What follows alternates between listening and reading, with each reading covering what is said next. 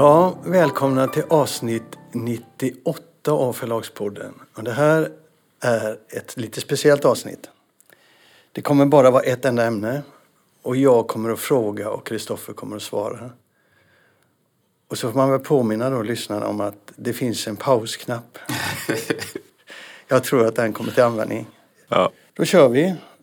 Och eh, det är ett lite speciellt ämne vi ska ta upp, Kristoffer. Ja, minst sagt.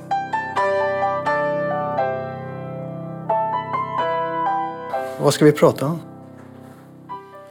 Eh, nej men ämnet är väl att eh, eh, nyheten idag att eh, jag har sålt 70% av aktierna i Linda Company till Storytel. Det är en liten bomb. Ja, jag, jag vet inte. Det händer ju att företag köps och säljs så det har väl hänt större saker. Jo, men inte den största kritiken av monopolisering inom bokbranschen. När han säljer sitt företag eller kontrollen över sitt företag till en av de stora aktörerna, då är det en liten bomb. Du kan ju säga vad du vill, men det är det. Ja, om man vill lägga upp det så kanske. Men berätta nu. Du får en chans först att berätta innan jag ställer frågor. Ja. Jonas Talander ringde mig i... eh, Han har för övrigt varit intresserad av att köpa Lind Company under, under många år. Och det är inte bara han som har varit utan under det senaste året framförallt så har jag fått eh, trevare och direkta förslag från ganska många aktörer. Men låt oss nu inte vara blygsamma utan säga att de, en del av dem har varit enormt eh, höga belopp. Ja, absolut. Eh, och jag har sagt till alla dessa aktörer att eh, tack och jag är jättesmickrad och eh, jag är inte intresserad. Eh, och anledningen har varit helt enkelt den att jag tyckt att eh, mitt jobb de senaste åren har varit roligare och roligare. Och jag har också tyckt att jag, har liksom, jag har inte varit intresserad av att sälja och det, prislappen har varit ointressant. Men sen ringde Jonas Lander mig i januari och så sa, pratade vi lite grann och så sa han Kristoffer kan vi inte ses och äta lunch och snacka lite? Och då anade jag ju oråd så då sa jag att jag ses gärna, äter lunch och jag, tänker inte, jag vill inte sälja förlaget. Han bara nej, nej, nej, jag vet, jag vet. Eh, och sen så, så, så sågs vi åt lunch och så sa han så här, jag, jag har liksom funderat lite grann på, på Storytel och så här, och vi vet att du inte vill sälja förlaget. Eh, så vi har ett specialförslag till dig. Och det är att du säljer en del av förlaget. Du säljer 70 procent, behåller 30 procent. Eh, driver förlaget precis som du gör nu. Eh, och eh, totalt oberoende men med full uppbackning av oss. Eh, och då så sa jag, jag går hem och tänker på det. Och så gick jag hem och tänkte på det och eh, kom fram till att det var lite grann som att äta kakan och ha det kvar. Lite för, lite för svårt att säga nej till. Jag har väl kommit till ett läge där jag har insett att förlaget går väldigt bra. Eh, det är ett väldigt professionellt förlag, väldigt kompetent förlag. Eh, men att det är liksom svårt att, att lyfta det ett steg till. Eh, och när vi har satsat på ljudböcker i andra länder så har vi ju varit som späckhuggare på Storytel. Alltså vi har gått, vi har valt, de länder vi har gått till har varit länder där Storytel har varit stora eller liksom haft en, en, en, bra, en bra affär. Och för de som inte vet så är det Norge, Finland, Nederländerna, Polen. Eh, och före pandemin så var vi, på väg in i Turkiet också men vi har lagt ner det. Lind Companys framväxt och tillväxt kan man säga, den har ju varit väldigt Storytel-driven. Det är vår största kund. Eh, och eh, det är en kund som är mer än tre gånger så stor som vår näst största kund. Så att det finns ju liksom en, en, en stark släktskap vet jag inte om man kan säga, men det finns ju det finns ett starkt beroende eh, mellan Storytel och Lind Company. Och eh, för att kunna lyfta det här, framförallt i utlandet, så skulle ett sånt här samarbete kunna vara helt avgörande. Och för mig så tyckte jag att det kanske var roligare i det läget att, att eh, liksom vara en, en liten kugge i ett större maskineri än att, än att kanske få till och med kanske ge upp eller liksom dra ner och liksom nöja mig med något mindre. Du ser tveksam ut. Nej, alltså jag funderar, eh, det är väl en av många eh, tankar du har antar jag om varför du säljer. Men, men eh, hur påverkar det, hur kommer det påverka förlaget det här? Rent konkret. Hur räknar du med att det här ska få för betydelse i Sverige? Alltså, I Sverige tror jag att det kommer få väldigt liten betydelse för att tanken är ju då, eh, om man ska gå in på lite mer såna konkreta saker, så är ju tanken då att vi ska vara en, en oberoende Eh, del alltså i, i Storytel-koncernen. Vi kommer, ägandet kommer ju vara fortfarande, fortfarande kommer 30 procent av ägandet ligga hos mig, vilket ändå är en ganska stor del. Så att även om, även om Storytel har majoriteten så kommer liksom jag äga 30 procent. Eh, Jonas Lander kommer bli styrelseordförande och förlaget kommer liksom ligga vid sidan av de andra förlagen. Så att det blir, ägandet ägs i samma bolag som de andra förlagen men vi kommer liksom inte ha eh, något samarbete med Norstedts förlagsgrupp. Eh, vi, kommer, vi kommer vara en helt separat satellit. Varför det? Varför det? Därför att eh, vi är ett annat annorlunda förlag. Eh, och därför att ägandet ligger 30 procent hos Kristoffer Lind. Alltså jag tror ju jag tror att det finns en helt annan sak som är orsaken till det.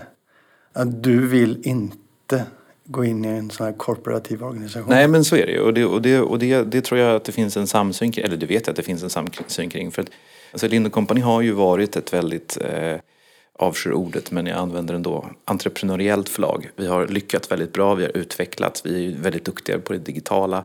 Och det där vill jag ju bygga vidare på och då känns det liksom inte bra att blanda ihop det med en annan förlagsverksamhet. Jag är inte heller intresserad, nej men jag är inte heller intresserad av att bli en del i en större organisation. Jag vill inte eh, hålla på och sitta i en massa möten. Eh, jag vill inte liksom del, vara del i en, en större förlagskultur. Eh, och det där är ju en anledning till att jag också inte velat sälja förlaget. Det känns ju väldigt, väldigt roligt. Alltså att, att få behålla allt det som är bra. Eh, men, men sen få liksom ny kraft, eh, ny, ny energi, eh, ta del av liksom Storytels digitala kompetens och, och liksom kunskap, inte minst utlandet. Så det är lite, det är lite äta kakan och ha den kvar. Men, men, men låt oss bli mer konkreta här. Vad kommer det här innebära för författarna? De kommer ju komma ut på ett starkare förlag. Eh, det kommer ju stärka författarna men sen rent konkret så kommer det inte betyda kanske eh, vi kommer ju fortsätta göra samma jobb som vi alltid har gjort. Det blir ju inga förändringar på det sättet. Nej, men du, du kommer på en större plattform. Du, du är garanterad att du, du hamnar liksom i en miljö som uppskattar dig som utgångspunkt. Ja, vi kommer, vi, det, kommer, det här stärker ju författarna. Och det stärker vår förmåga att bygga nya författarskap. Ja, du kommer ju ha ett erbjudande som är starkare. Mm. Författarna kommer veta att de har en plattform som är garanterat mycket, mycket större än tidigare. Så är det ju. Men eh, vad innebär det för de anställda då? Det skulle jag säga lite sam, samma sak. Alltså att vi, eh, Eh, på förläggarsidan så kommer det ju kanske bli lättare för oss att bygga författarskap, att jobba mer långsiktigt. Eh, vi kommer eh, vi kommer kunna göra precis samma sak som vi gör idag men förhoppningsvis kanske utfallet kan bli ännu lite bättre. Och i övrigt så kommer det inte vara några förändringar tanken är ju nu inte att vi ska liksom att vi ska dra ner på takten utan kanske snarare dra upp på takten. Så att liksom personalmässigt så handlar det ju inte om några neddragningar utan snarare kanske några, kanske att, vi skalar upp lite. Men, men eh, sättet som vi jobbar på kommer inte förändras. Så omvärlden när de tittar på det här så kommer de att tänka, har ni ska bli ett ljudboksförlag? Det är vi ju nästan redan. Hur då? En, eh, den absolut stora merparten av våra intäkter kommer ju från ljudböckerna. Har du slutat att vara konkret nu? Det har varit styrka med det att du har kunnat vara väldigt konkret. Nej men det är ju så. Vi, liksom, det här är ett ljudboksförlag. Det är klart att alltså, ljud, ja, jag vet Alltså folk undrar ju. Ja. Du måste ju fatta det att mm. folk har ingen aning om eh, hur det ser ut. Du pratar ju väldigt mycket om ljud så de undrar mm. ju, har du slutat, slutar du ge ut pappersböcker? Men det är klart att vi inte gör. Nej. Nej. Varför det? Nej men jag säger ju, vi ska ju, vi ska ju fortsätta jobba som vi har gjort. Det är ju inga större förändringar på det sättet. Ja, hur ser det ut på papperssidan exempelvis? Ja, det kommer ju ut en och annan bok. Alltså, de flesta vi, vi som lyssnar på oss, Kristoffer, ja. har ingen susning. Alltså, du, du pratar ju mycket för att lugna marknaden och det är inte det du ska göra här. Du ska prata till lyssnarna som inte vet någonting om sånt här. Nej, men då är det ju så att eh, den fysiska pappersboken har ju haft en väldigt svag utveckling de senaste åren. Och statistiken förra året var ju positiv på så sätt att, att det faktiskt ökade även på papperssidan eh, lite grann. Eh, det som minskade var pocket men, men, men, men i övrigt så ökade försäljningen. Men, men hos oss så har ju försäljningen eh, vi har en lägre pappersboksförsäljning idag än vad vi hade för 4-5 år sedan. Och eh, i andel av vår totala eh, omsättning så är ju hela tiden pappersboksutgivningen en krympande del. Och vad, vad gäller liksom den, den kommersiella skönlitteraturen där vi, där, som är vår styrka Där har ju utvecklingen varit brutal. Det vill säga pappersboksutvecklingen är väldigt svag och eh, den digitala utvecklingen är liksom motsvarande väldigt stark. Eh, men det är ju liksom, vi älskar ju pappersböcker så det är klart att man eh, hade kunnat eller velat sälja fler pappersböcker. Det är ju inte så att vi försöker motarbeta pappersboken. Men eh, Eh, i väldigt många utgivningsbeslut så vet man ju idag att ja, men, den här boken kommer funka bra i ljud. Eh, papper säljer vi 500. Eh, så, vi är ju där, det är ju ingen hemlighet. Mm. Och, det, och det är ju därför som, som vi eh, sedan flera år tillbaks ibland säger till, till författarna att vi ger jättegärna ut den här boken men bara som ljud. För oss är ju, håller ju, liksom formaten flyter ihop lite grann. Jag, eh, jag tycker ju inte att man ska tänka format, jag tycker att man ska tänka bok. Sen, sen, så måste man naturligtvis tänka format när man kanske ska, ska, ska, ska liksom marknadsföra, sälja, sälja boken. Men, men eh, Mattias Boström exempelvis anställdes ju på Lind Company som ljudboksförläggare. Och, eh, han Mattias Boström kommer då från Pirat. Ja. Och han, han, han är också författare och han är, är känd inom branschen för, ja. på många plan. Ja. Ja, och han eh, anställdes som ljudboksförläggare och tanken var att han bara skulle göra digitala böcker men det har ju blivit en, en del pappersböcker också. Och eh, Sandra Veldon hon jobbar med pappersböcker men eh, hon gör ju ljud, hon gör ju ibland bara digitala böcker också. Jag har ju också några författare och eh, ibland så är det bara digitalt också. Så det, det, ska, det beror ju lite grann på författarskapet, texten, serien, vad man jobbar med. Så att det där att säga digitalt eller inte digitalt, papper eller inte papper, det, det ska liksom inte vara två separata redaktioner utan det beror lite grann på, på boken och på sammanhanget och på men kommer Storytel gå in nu med den här ägarandelen och, och vilja ha uppfattning om vad ni ger ut? Påverka utgivningen? Ja, alla beslut måste personligen eh, godkännas av Jonas Tillander. Han ska även läsa manus, sitta i vår manusgrupp. Skärp dig nu. De här frågorna undrar ju folk över. Du ja. måste kunna svara på dem seriöst. Nej men det är klart att det inte ska vara så. Jag kommer ju vara VD i det här eh, företaget. Och jag kommer jobba kvar i företaget. Eh, och eh, det är ju också, det är också därför som jag inte har sålt mina aktier tidigare. Överhuvudtaget. För att jag inte har lust att tappa mitt bolag.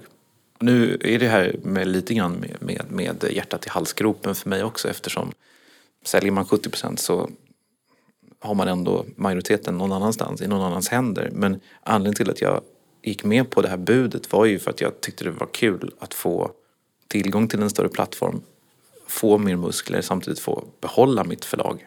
Eh, och eh, jag tror att eh, liksom, köparen Storytel resonerar likadant. Alltså de, de, de inser att jag är en sån hopplös person så att jag måste få liksom ratta mitt, mitt förlag på mitt vis. Eh, då kan det bli jättebra. De har ju köpt dig för att de tycker att du gör ett bra jobb, jo, så jag antar det. Jag hoppas men. det. Men, men, men så det, det, liksom, det, det är ju inte så att vi kommer ju vara helt självständiga. Det är klart att eh, liksom strategiska beslut, kanske liksom, det är ju naturligtvis en styrelsefråga. Eh, om det händer stora saker i företaget så klart att det är en sån som man stämmer av. Eh, det är inte konstigt men, men den dagliga driften, vilka böcker vi ger ut. Mm. Eh, det är ju ingenting som, som eh, jag kanske ska pytsa in lite här då, för jag vet ju till exempel hur du har varit bekymrad för framtiden. Du har känt det att eh, du har varit orolig för, för, för förlagets utveckling på det digitala området för du vet inte hur de digitala plattformarna agerar. Du har ju varit orolig för att mm. eh, bli nedtryckt, eh, alltså att böckerna, författarna inte får tillräckligt med utrymme på de här plattformarna och det är en balansfråga. Och nu är du då på en av de plattformarna som en del utav samma ägare. Så där är du väl garanterad uppmärksamhet. Men vad kommer de andra två plattformarna att agera tror du? Det finns ju tre i Sverige. Ja. Eller fyra faktiskt. Ja, fyra. Ja, fyra men, men, men, men, de, andra, de andra två stora det är ju eh, Bookbeat och eh, eh, Nextory. Mm. Och eh, sen har du Bokus Play som ingår i Bokusgruppen och sen mm. så har du Audible. Men vad, hur tror du de här eh, andra aktörerna kommer att agera på det här köpet? Nej, men jag, jag tror att de kommer tycka att det är tråkigt. Eh, men jag, jag, jag, är övertygad om att eh, vi kommer fortsätta kunna ha ett fint och bra samarbete. Ehm, det är inte konstigare att de fortsätter jobba med, med Lind Companys böcker än att de jobbar med Norstedts förlagsgrupp. Vi kommer ha våra egna kontakter och våra egna... Eh, liksom, vi kommer jobba på med de här andra aktörerna på samma sätt som tidigare. Så jag hoppas verkligen att, att det fina samarbetet kan fortsätta.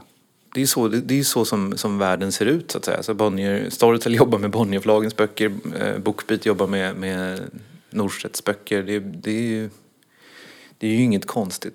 Hur tror du marknaden reagerar på det här? Vad menar du med marknaden? Nextory Bookbeat och Bookus Play är väl marknaden? Ja, men jag tänker, du har ju varit en väldigt uttalad kritiker av den här monopoliseringen vi har sett där, där stora förlag växer sig starkare och har en väldigt kontrollerande eh, position på marknaden. Och nu blir du en del utav en av två stycken pooler så att säga. Mm. Hur tror du att eh, branschen kommer att reagera på detta som helhet? Jag har ingen aning. Det finns säkert några som tycker att jag är en hycklare. Men eh, det, du har ju också helt rätt. Alltså, man googlar mig så hittar man säkert någon sån artikel som jag har skrivit. Någon, man hittar hur många som helst. Men eh, det har ju gällt i första hand Bonnierförlagen. Alltså, det, det, finns så himla mycket att säga om det men man, liksom det Eh, man, om, man, om man börjar med, med själva konkurrensaspekten, för det har ju varit en av mina huvudinvändningar att, att eh, eh Eh, liksom monopoliseringen av, av förlagsbranschen och konsolideringen av förlagsbranschen har lett till en ökad, ökad eller bristande konkurrens. Eh, och där så ehm, det här, den som har lyssnat på podden kan faktiskt gå tillbaka och höra att det här har jag sagt många gånger så det här är inte någon slags efterhandskonstruktion. Men vad som har hänt med Storytel eh, Storytels tillväxt och Storytels uppköp av i första hand Norstedts förlagsgrupp det är ju att för första gången i Sverige, någonsin tror jag man kan säga, så har vi en motpol till Bonnier. Bonnier har alltid varit störst och sen har det kommit ingen och sen har det kommit ingen och sen har det kommit ingen och sen har Norstedts kommit. Fortfarande är det så att Bonnier omsätter 1,2 miljarder och Norstedts, vad är det, 450 eller något sånt där. Um, Bonnier omsätter mer på sin uh, skönlitteratur än vad hela Norstedts förlagsgrupp omsätter. Bonnier äger Adlibris, Sveriges största återförsäljare av böcker. Eh, Bonnier äger Pocketgrossisten, Bonnier äger Pocket Shop, Bonnier äger Bokklubbarna. Och Bokklubbarna var ju förr i tiden en förfärlig eh, företeelse ur ett konkurrensperspektiv. För att när Bonniers bokklubb var som störst hade de över 300 000 medlemmar. Huvudboken där var uteslutande Bonnierförlagens egna. Eh, och det där var ju ett sätt för Bonnierförlagen att ta författare, ofta från Norstedt, så att man erbjöd författaren att byta förlag och då kunde de få bli huvudbok i Bonniers bokklubb. Och så. Det har aldrig funnits någon som kan matcha eh, Bonnier i den här konkurrensen förrän nu skulle jag säga. Så att ur ett konkurrensperspektiv så, så skulle jag säga att jag bidrar till att balansera eh, maktblocken här genom att faktiskt eh, stärka upp den, den totala skevhet som har funnits i den dominans som Bonnier har haft. Och jag menar ju också på att när man har diskuterat de här sakerna med, med konkurrens och sådär, så det är ju väldigt, väldigt komplicerat. Dels så har du den, här makten som eh, man kan ha genom att äga sina återförsäljare, leverantörer, vertikal integration och sånt där. Eh, som att Bonnier har kunnat använda liksom, eh, Bonniers bokklubbar som en säljkanal. Men sen har du också den makt och den är väldigt så diffus och svår att ta på och svårdefinierbar. Som finns över att man kan även liksom dominera en, man kan dominera en återförsäljare utan att äga den. Och det tycker jag att Bonnier har gjort väldigt mycket i Sverige. Man har i kraft av sin, sin storlek, alltså relativa storlek, den näst största konkurrenten, så har man liksom kunnat få ut kampanjer, man har fått ut författarskap på ett sätt som det har varit väldigt svårt för någon annan i Sverige att kunna göra vi, ser ju, vi har ju talat väldigt mycket om alla de här författarna från framförallt Salmonson Agency som har gått till, till Bonnierförlagen. Varför gör de det? Varför gör de det? Därför att, därför att ja, alltså det, det finns ju många förklaringar till varför de gör det. Men jag skulle säga att de gör det därför att det är det största förlaget. Därför det är det förlaget som har de största musklerna. Därför att de är, de är utan konkurrens dominanta på marknaden. De är kulturellt eh, det är också, starkast också. Det är också. De är också kulturellt starkast. Alltså när man talar om det här, liksom Bonniers dominans, eh, för folk som inte är i branschen så, så jag har ju slutat tala om det här. Mm. Men, men om man talar om, om, om det här med folk som inte är i branschen så tror man att man är paranoid och, och knäpp och fått liksom Bonnier på hjärnan. Men, men om man, om man är, när man är en liten aktör i Sverige så, så blir man helt knäckt av det här. Så, att, så att det är ju en aspekt av, av liksom, eh, konsolidering. Att, att det faktiskt kan vara så att den här affären, nu ska man inte överdriva den här affären, för, för, för Linde Company är fortfarande ett ganska litet förlag. Men det kan faktiskt, man kan faktiskt argumentera utifrån det som resonemang jag just haft, att den här affären bidrar till ökad konkurrens. Sen skulle man ju kunna önska att det skulle finnas inte två liksom, stora eh, block utan att det fanns fyra, ungefär som att vi har fyra stora affärsbanker. Men så är det inte. Nej. Men det, om man tittar på den positionen du har haft i branschen där du har varit en stark förespråkare för mindre och mellanstora förlag. Mm. Nu går du in i ett större konglomerat. Mm. Vad händer med den rösten? Den rösten har varit ganska lågmäld de senaste åren. Det spelar ingen roll. Vad händer med den rösten? Uh, jag stänger in den i en liten burk. Nu, som nu, jag stoppar in i en garderob. Nu gömmer du dig bakom skämt igen. Men, men jag menar allvar. Alltså, du har varit en väldigt viktig eh, person i branschen för de mindre och mellanstora förlagen. Folk har tittat på dig, de har sett en självständig agerande förläggare som har varit väldigt tydlig med sina ståndpunkter. Uh, har varit en, en, en, central gestalt för uh, independent-tanken om man säger så mm. i branschen. Vad händer med den rösten nu? Jag vet inte, är väl ett uppriktigt svar. Men, men eh, min, mitt hjärta eh, klappar ju eh, fortfarande för independent-rörelsen och eh, de mindre förlagen och de oberoende förlagen. Och jag har bara hamnat i ett läge där jag har gjort ett val som jag vet är bäst för författarna, som jag är övertygad om är bäst för de anställda. Eh, som grundar sig i hur verkligheten ser ut och som jag hoppas ska funka bra för mig också. Men, men det betyder ju inte att jag inte fortfarande hoppas eh, att det finns liksom massor av bra förlag där ute som kan fortsätta frodas. Jag skulle ju önska att vi hade tio förlag som omsatte 100 miljoner i Sverige, men så är det ju inte. Nej, men kommer din röst fortfarande höras? Ja, fast nu överdriver du faktiskt lite grann både eh, styrkan i min röst och betydelsen av min röst. För att jag har ju inte men du, du, du talar om mig för 20 år sedan när jag var ordförande i NOF typ. Nej, jag pratar, du har den här plattformen som vi pratar om. Ja. är väldigt tydlig, väldigt synlig. Ja, du menar Förlagspodden exempelvis? Ja, den är bara en del av det hela. Jag pratar inte så mycket överhuvudtaget. Du pratar väldigt mycket. Absolut. Eh, och folk är vana att höra dig. Jag frågar dig en gång till då, vad kommer att hända med den rösten? Alltså så som jag uppfattar det så eh, kan den fortsätta och, och eh, babbla på alltså. Ehm, eh, vi, jag ingår inte i Norstedts förlagsgrupp. Jag är till 70 procent ägd av Storytel, inte anställd på Storytel. Vi kommer ju få en, ytterligare en del problem med Förlagspodden. Eh, men vill vi fortsätta med Förlagspodden kan vi göra det. Exempelvis. Det är väl den mest det är väl det främsta exemplet på, på en plattform eller ett en sammanhang där min röst finns. Ja, det är två delar i det jag, jag tänker på. Vad det gäller Förlagspodden så tror inte jag att det är du och jag som bestämmer utan det tror faktiskt det är omvärlden som bestämmer. Om de eh, accepterar att vi har en trovärdighet eller ej. Det är ja, det som avgör ja, fortsatt tror jag. Eh, den andra delen av det hela det är... Det tror jag inte. Men, men som sagt, vi äger inte den frågan. Det gör omvärlden. Men eh, din röst när den hörs, dina tankar när man pratar med dig, det du ger uttryck för. Du har ju varit en verbal, tydlig och synlig förläggare. Och jag är sån här eh, jag, jag, älskar ju att förläggare går ut, eller folk i bokbranschen går ut och har synpunkter på saker och ting och, och liksom lägger sig i eh, saker och ting. Du har varit en av de som har gjort det. Det är lite därför vi har haft vår podd också. Men vad som händer i människor när de säljer är att de förändras ju över tid. Mm. Det, du, du, påverkas av, av ditt vara. Så min, min fråga är där att även om du idag säger att nej, jag kommer att fortsätta prata så jag är jag inte så säker på att det är du, hur det blir därför att du kommer ju att behöva ta hänsyn till saker och ting. Så vi får väl bara söka oss fram. Men min tanke var mer den här, din independent-ådra. Kommer den att fortsätta tänka tankar? Kommer den fortfarande se de här problemen nu när du sitter inne i en annan situation?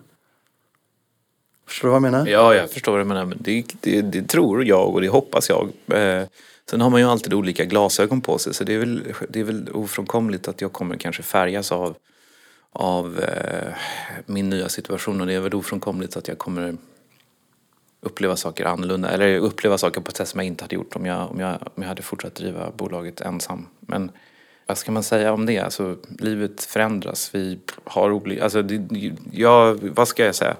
Jag kan, inte, jag kan inte säga annat än att, att uh, jag, tror jag kommer förändras mindre än vad du tror. Ja, jag är ju nervös som jag sa då. Du, vilken roll spelar pengar i det här? Eh, ganska liten skulle jag säga. Eh, alltså, Storytel har betalat ganska bra. Och den förhandlingen eh, kan jag också berätta hur den gick till. Eh, frågade Jonas Land, så, men i så fall vad vill ni betala? Och då sa han så här, ja men jag ska fundera här och så ska jag skicka dig ett bud som, som vi inte behöver förhandla kring. Och så gjorde han det och jag sa bra. Det var ett bra bud. Ja. Uh, inget tjafs, inget, inget liksom uh, skambud, ingen, ingen uh, förhandling. Utan det som vi har förhandlat om Fast det har inte heller egentligen varit någon förhandling för vi har velat båda två samma sak. Det vill säga att det ska bli så bra som möjligt för Linde Company, så bra som möjligt för Linde Companys författare och för mig. Och den här idén om det oberoende förlaget, det är det som har varit avgörande. Inte egentligen, alltså vi inte köper skillingen. Eh, Eh, och nu har jag ju inte velat sälja förlaget egentligen, men kunde inte liksom motstå det här frestande upplägget. Men när jag, när jag tidigare tackat nej till andra förslag som har varit väldigt höga så har jag ju inte gett mig in i någon budgivning eller någon prisdiskussion eftersom alltså det, har inte varit, det har inte spelat någon roll för jag har ändå inte velat sälja. Så jag skulle nog säga att pengarna är inte, det är inte... Nej men jag säljer inte för pengarna. Nu, nu, låter det för folk som inte har ett spänn på fickan, det låter jävligt arrogant. Ja, det är arrogant. Men då kan jag säga också, till, jag kan också säga så här att jag har faktiskt redan tjänat ganska mycket pengar. Ja. Alltså det, det är inte... Det är inte um, jag, alltså jag behöver inte de här pengarna. Också väldigt blodigt att höra från folk som inte har pengar. Men okej, okay, det är inte så mycket att Nej men det är inte drivkraften, förstår du? Alltså det, ja. nu, nu, nu, låt oss tala pengar. Liksom. Det, det, det, det, det är inte fult eh, att tjäna dem, det är inte fult att ha dem. Men det har inte varit, eh, det finns inte någon, något beslut i den här processen som har, har, där pengarna har varit avgörande. Eh, det är helt ärligt. Det är också så att eh, Linde Company är ett väldigt lönsamt förlag, det är ett väldigt välskött förlag det, och det, nu tappar ju 70 procent av det. Så det är ju också, det är också en intäktsström, om man nu ska prata pengar, som jag förlorar. Mm. Så om det här är en bra affär eller inte, det vet man ju först om, om, eh, om tio år. Mm. Det är ju mycket möjligt att det här är en ur ekonomisk synpunkt dålig affär. Så du tänker inte liksom casha hem om två år och sticka till Italien? Nej, men det är ju, det är ju inte det som jag vill. Vad vill du då? Uh, nej men jag vill ju att det ska... De senaste åren tycker jag har varit väldigt roliga för det har hänt så otroligt mycket. På det digitala området har det hänt mycket. Det har varit en fantastisk tillväxt i bokbranschen. Uh, vi talade ju, du och jag, om, om uh, om man hade drivit förlag liksom i början av 1900-talet eller jobbat på en dagstidning i början av 1900-talet. Vilken fantastisk sak det måste varit. Vi har ju lite grann samma tekniska tekniska förändring idag med, med, med streamingtjänsterna. Det har verkligen det har verkligen ritat om kartan. Det har verkligen inneburit att det har tillkommit väldigt mycket också positivt i bokbranschen. Men jag tycker att det har varit väldigt roligt att få vara mitt i det här. Eh, liksom mitt i den tekniska utvecklingen, mitt i förändringen. Och det som har varit roligt på det personliga planet också har ju varit att Eh, Linde Company har vuxit och att växa är kanske inte något självändamål men jag har fått väldigt mycket kompetenta och intressanta kollegor de senaste åren. Eh, och det eh, tycker jag är fantastiskt kul. Och, det, och, det, och jag vill verkligen lyfta fram det där. När man, när man är tidigare, alltså man går tillbaks fyra, fem år i tiden så hade jag svårt att rekrytera. Det, det var inte så himla lätt att, alltså det är klart att jag hade mycket bra, mycket bra personal men, men om, jag, om, jag hade, om jag för fem år sedan hade satt in en, en förläggartjänst hade jag inte fått så mycket kvalificerade ehm, eh, ansökningar som, som jag skulle fått idag.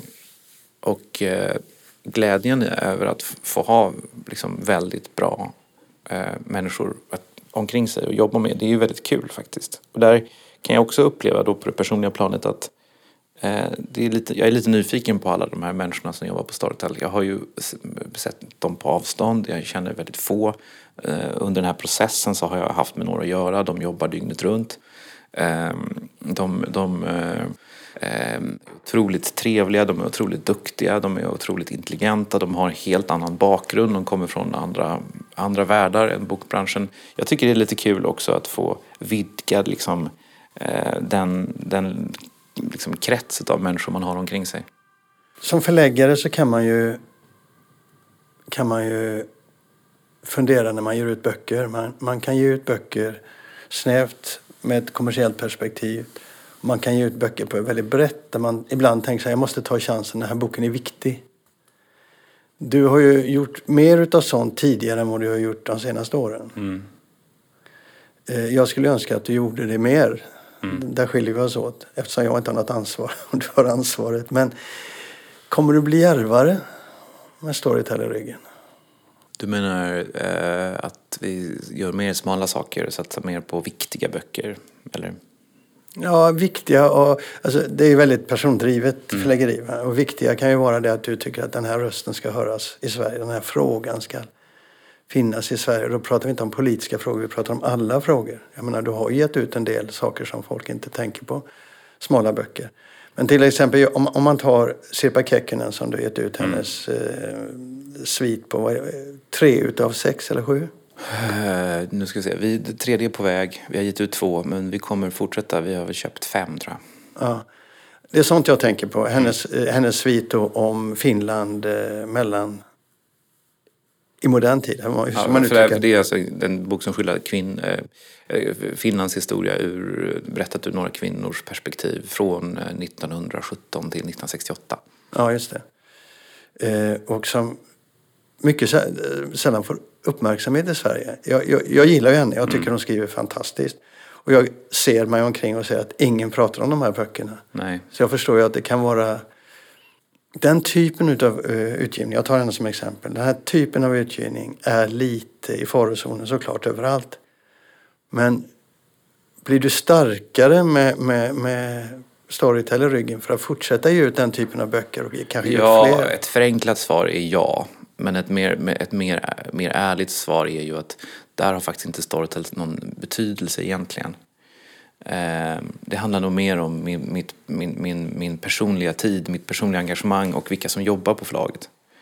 Ehm, vi kommer absolut fortsätta göra sådana saker och kanske vi kanske kan göra det lite, ännu lite mer. Men, men återigen, det handlar ju väldigt mycket om, om, om eh, personligt engagemang, tid, utrymme på marknaden.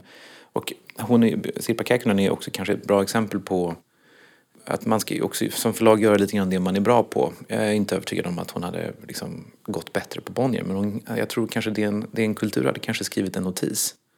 Helt ärligt. Ja. Så är det ju. Ja. Så att man får ju också, man får ju också liksom, alla förlag har ju lite olika profil. Man är bra på vissa saker, man är bra på, mindre bra på andra saker.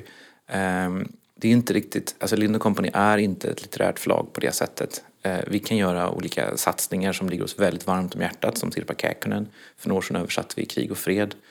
Eh, Tolstoj. Vi kan göra sådana saker eh, men, men det ska ju inte vara liksom vårt huvudfokus för att det finns andra förlag, Norstedts, Bonniers, Natur och kultur, Ersatz och så weiter, som gör det bättre.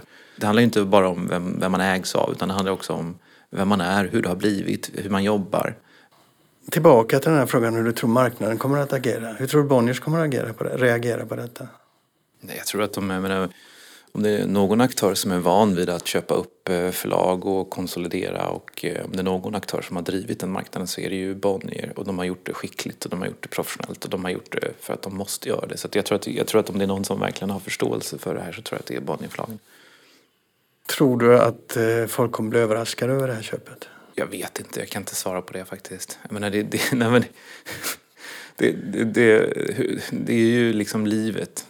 Att, att, det är ju faktiskt livet, så det, det är ju inte konstigt att ett förlag köps. Det är ju inte direkt liksom så att Storytel köper jag vet inte, alltså det finns ju inte så många stora förlag att köpa men det är inte typ, typ som att Storytel köper natur och kultur. Va? Jag tror att du har en skev självbild eh, mm. till att börja med och jag tror att folk kommer bli väldigt överraskade över det här köpet det kommer bli en väldig diskussion eh, som du kommer att ramla in i. Men vi har ju sagt det att eh, innan, nu har vi ju sagt det till varandra att vi kör det här avsnittet där du får svara på frågorna. Och sen så väntar vi eh, en vecka eller två. Och så tar vi upp frågan igen. och du får reagera på det som har hänt och så får du så att säga summera reaktionerna. Så du får föra dagbok. Jag skojar. Så det kommer vi göra. Mm. Är det något mer som du vill tillägga innan vi slutar? Ehm. nej, inte som jag kom på.